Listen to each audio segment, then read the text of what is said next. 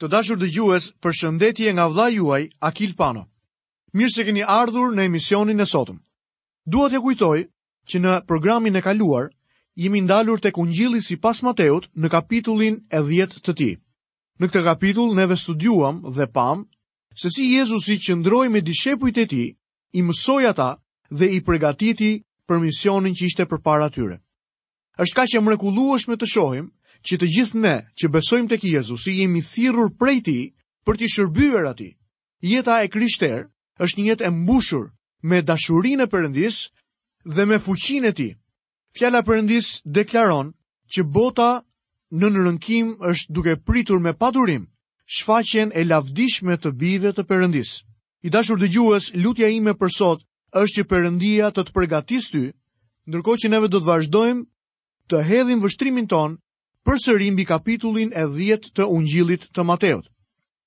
Atëherë pa u vonuar, le të fillojmë menjëherë leximin e sotëm tek Ungjilli sipas Mateut, kapitulli i 10 dhe vargu 34. Mos mendoni se unë erdha të sjell paqen mbi tokë. Nuk erdha të sjell paqen, por shpatën. Ky është një nga vargjet më të vështirë për pacifistët sot. Por për aq kohë sa e tërë drejtësia qëndron e shtypur nën dhunë, vetë Krishti do të shkaktojë armiqësinë e Satanit dhe si rrjedhojë do të ketë betejë. Uroj që një pjesë e vogël e këtij vargu të mund të arrijë sot në organizmat e Kombeve të Bashkuara, si edhe në mendjen e disa predikuesve liberalë. Krishti nuk erdhi për të sjellë paqe në ardhjen e tij të parë. Në botë ka ende mëkat. Dhe për aq sa kohë gjendja është e tillë, Perëndia thotë se nuk do të ketë paqe për jobesimtarët. Le të lexojmë vargjet 35 dhe 36. Sepse unë erdha ta ndaj birin nga i ati, të bijën nga nëna, nusen nga vjehrra, dhe armiqtë e njeriut do të jenë ata të shtëpisë së vet. Apostulli Pal e përforcoi edhe më tepër të vërtetën e këtij vargu, kur ai tha: Sepse mesazhi i kryqit është marrëzi për ata që humbin, por për ne që shpëtohemi është fuqia e Perëndisë. Në të vërtetë janë të shumta familjet dhe vëllezërit që janë ndarë nga predikimi i Ungjillit. Me fjalë të tjera, vetë fakti që besimtarët janë bashkë në unitet shkakton ndarje me botën e pashpëtuar.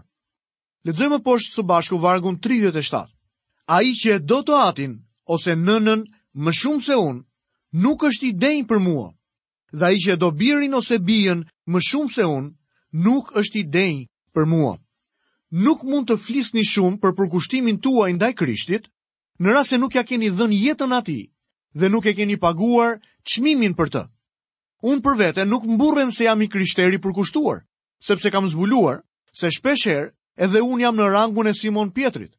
Por falë Perëndisë, ai është besnik. Kjo është gjëja më e mrekullueshme. Lexojmë vargun e 38. Dhe ai që nuk e merr kryqin e vet dhe nuk vjen pas meje, nuk është i denjë për mua. Sa do të doja ta kisha dëgjuar Jezusin tek thoshte. Nuk është i denjë për mua. Shumë prej nesh nuk janë të tillë. Dhe kjo do të thotë se ai nuk do të na përdorë në rast se nuk i përkushtohemi me të vërtetë. Por falë Perëndisë, ai nuk do të na hedhë tutje.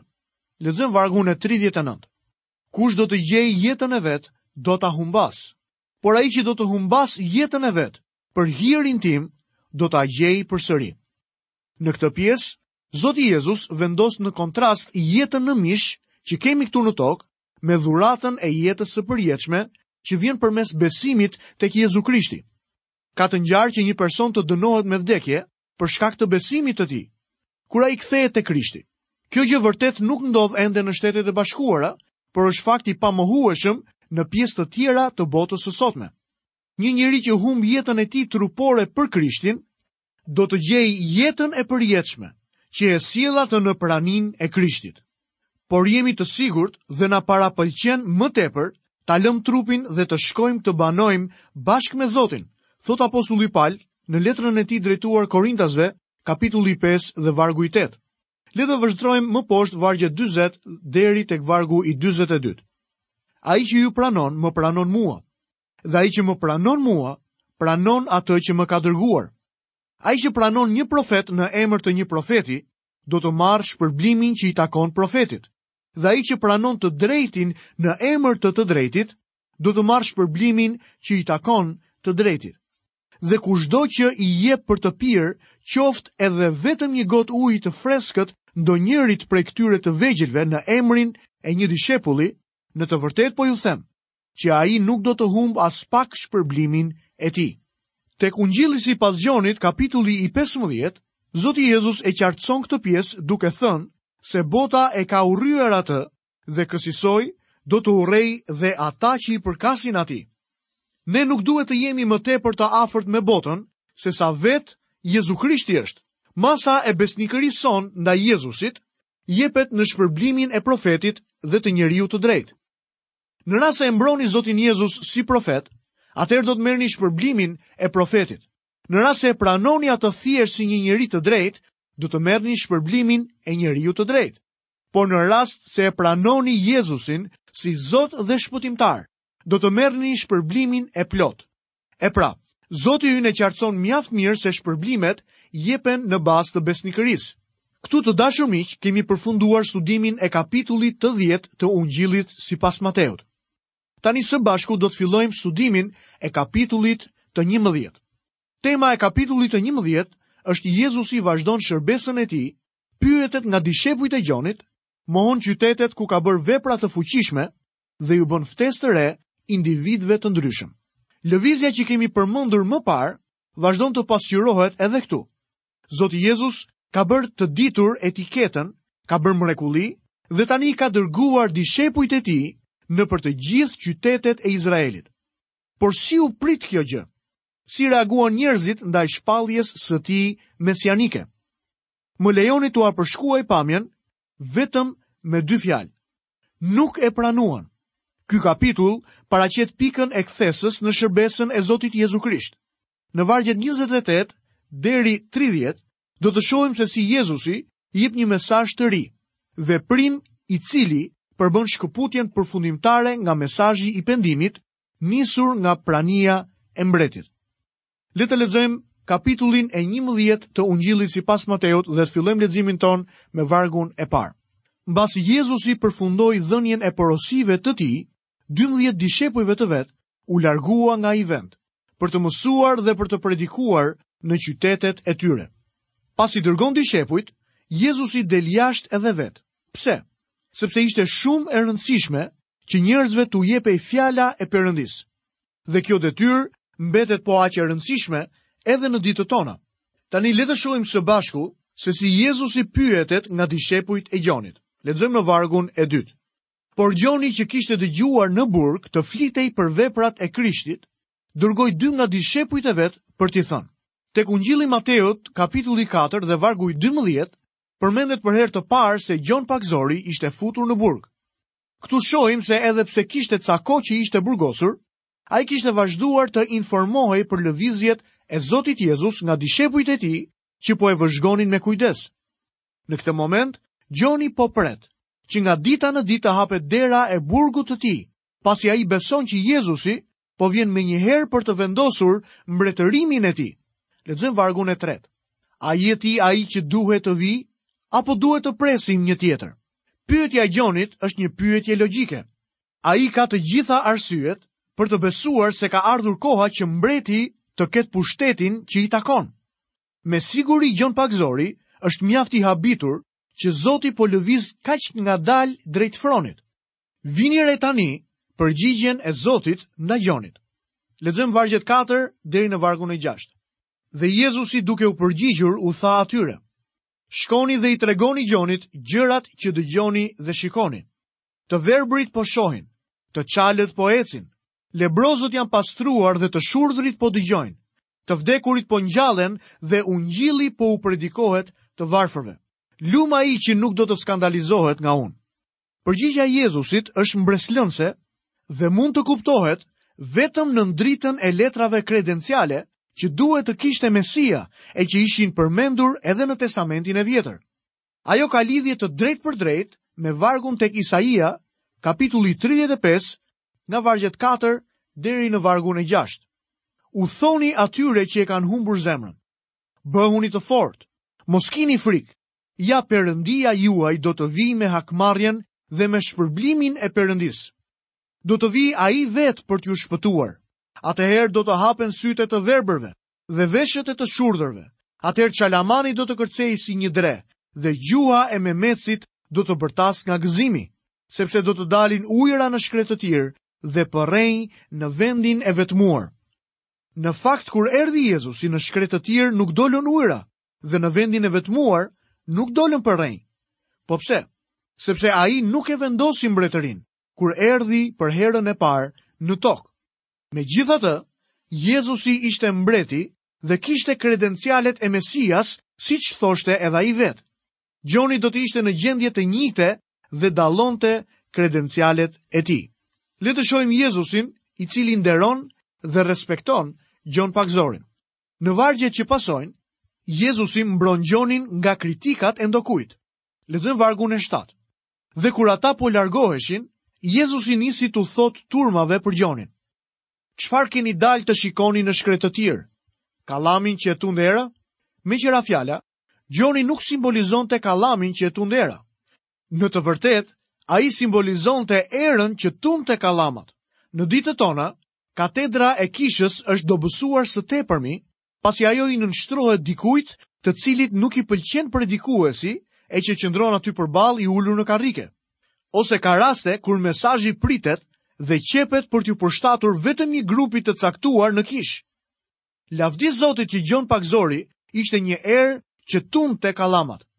Më tej, Zoti vazhdon të shpallë lavdërimin dhe miratimin e tij për Gjon Pagëzorin. Lexojmë vargjet 8 deri në vargun e 10. Por çfarë keni dalë të shikoni? Njeriun e mbështjellë me rroba të buta. Ja ata që veshin rroba të buta banojnë në pallatet mbretërore. E pra Gjon Pagëzori ishte njeri i fortë dhe i paepur. Atëherë pra ç'dolët të shikonit, një profet.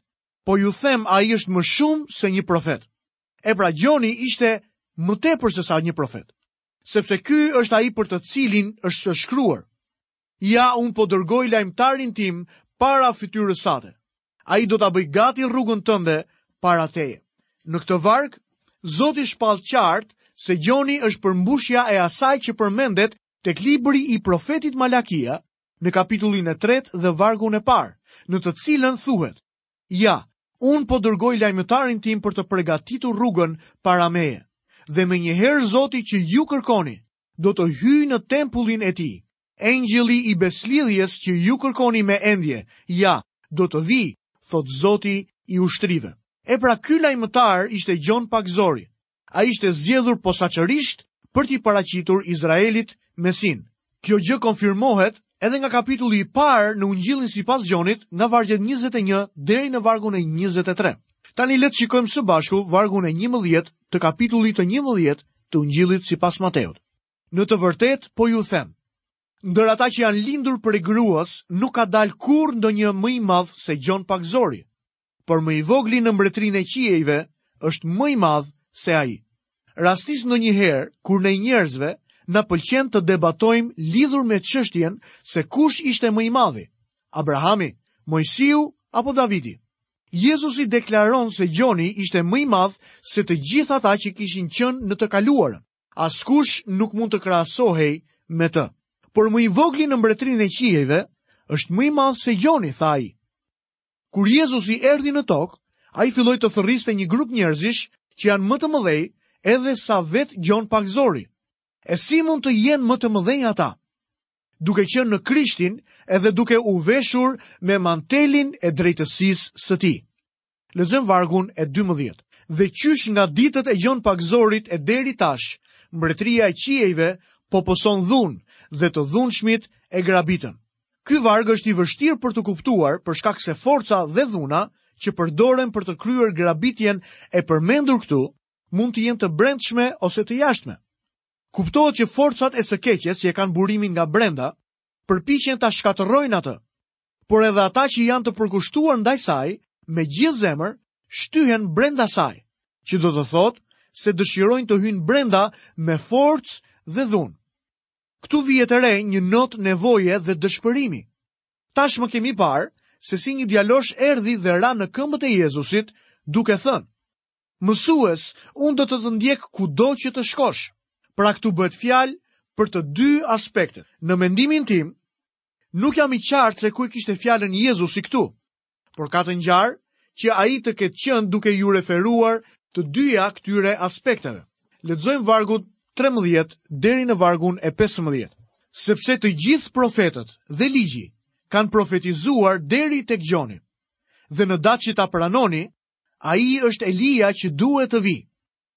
Kush ka vesh për të dëgjuar, le të dëgjojë. Gjon Pagëzori përmbushi profecinë për lajmëtarin që duhej të vinte, ashtu siç shkruhet tek Malakia në kapitullin e tretë dhe vargun e parë. Por shtrohet pyetja, a do ta kishte vendosur Krishti mbretërinë e tij menjëherë? Dhe a do të kishte qenë Gjon Pagëzori Elia në rast se Izraeli do ta kishte pranuar Krishtin që në ardhjen e tij të parë në tokë? Përgjigja e kësaj pyetjeje është po. Ju mund të thoni si ka mundësi. Atëherë po ju servir përgjigjen time për këtë. Unë thjesht nuk e di se si. Ajo që di me siguri është se Jezusi tha kështu, dhe ai është në gjendje të bëjë gjëra që unë nuk mund të arrij t'i shpjegoj dot. Në fakt, Jezusi bën shumë gjëra që unë nuk mund t'i shpjegoj, por unë thjesht zgjedh që t'i pranoj ato. Ka ca njerëz të tjerë, megjithatë, që debatojnë duke thënë.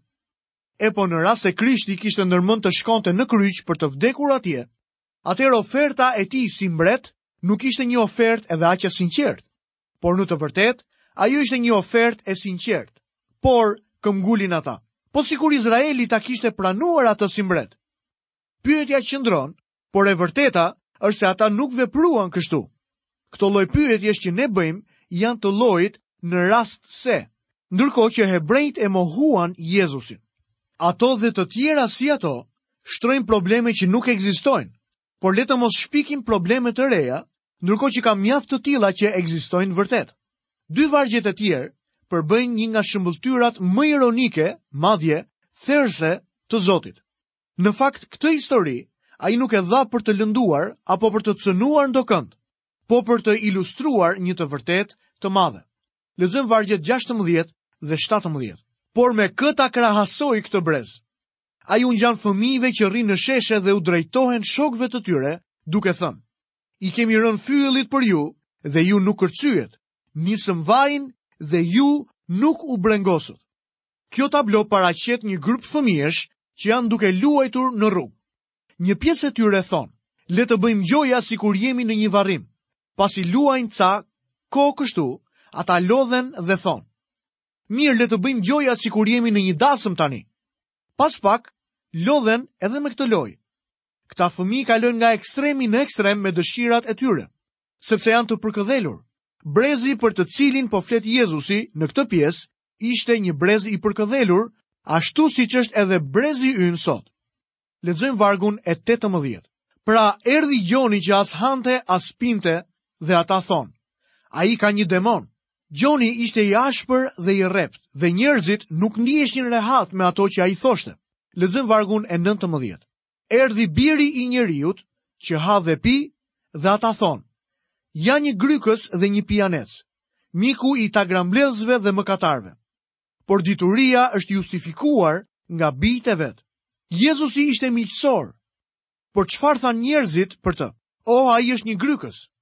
Ai është shumë miqësor me mëkatarët. Ca njerëzve nuk i pëlqente as Gjoni dhe as Jezusi. Njerëz të tillë gjen me shumicë edhe sot. Kështu që është më mirë të mos ua vini veshin fare. Atyre s'u pëlqen një predikues që qëndron përpara tyre dhe bën një predikim monoton. Por, po kështu, s'u pëlqen as edhe një tjetër, që është aq shprehës dhe demonstrativ, saqë bën të dëgjohet kërcitja e katedrës së kishës. Një predikues që bën predikime të thella nuk e dëgjojnë, pasi nuk e kuptojnë dot. Dhe një tjetër, që është mjaft i thjeshtë për të kuptuar, nuk pëlqehet gjithashtu. Ka shumë njerëz të cilët nuk kënaqen nga askush. dhe të tillë nuk kanë munguar as në kohën e Zotit tonë. Të dashur dëgjues, këtu kemi mbërritur dhe në fundin e programit të sotëm. Dua t'ju rikujtoj që në këtë mësim folëm për pjesën e fundit të kapitullit të 10 të Ungjillit sipas Mateut dhe filluam së lexuari dhe studiuari së bashku kapitullin e 11 të këtij Ungjilli. Dua t'ju rikujtoj se tema e kapitullit të 11 ishte Jezusi vazhdon shërbesën e tij, pyetet nga dishepujt e Gjonit, mohon qytetet ku ka bërë vepra të fuqishme dhe u bën ftesë të re individëve të ndryshëm që vijnë tek ai.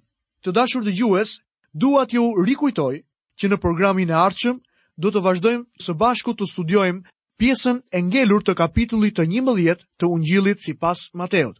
Deri atëherë, Perëndia i paqes ju bekoftë dhe nga unë vëllai juaj Akil Pano, bashkë mirë u dëgjofshim në emisionin e ardhshëm.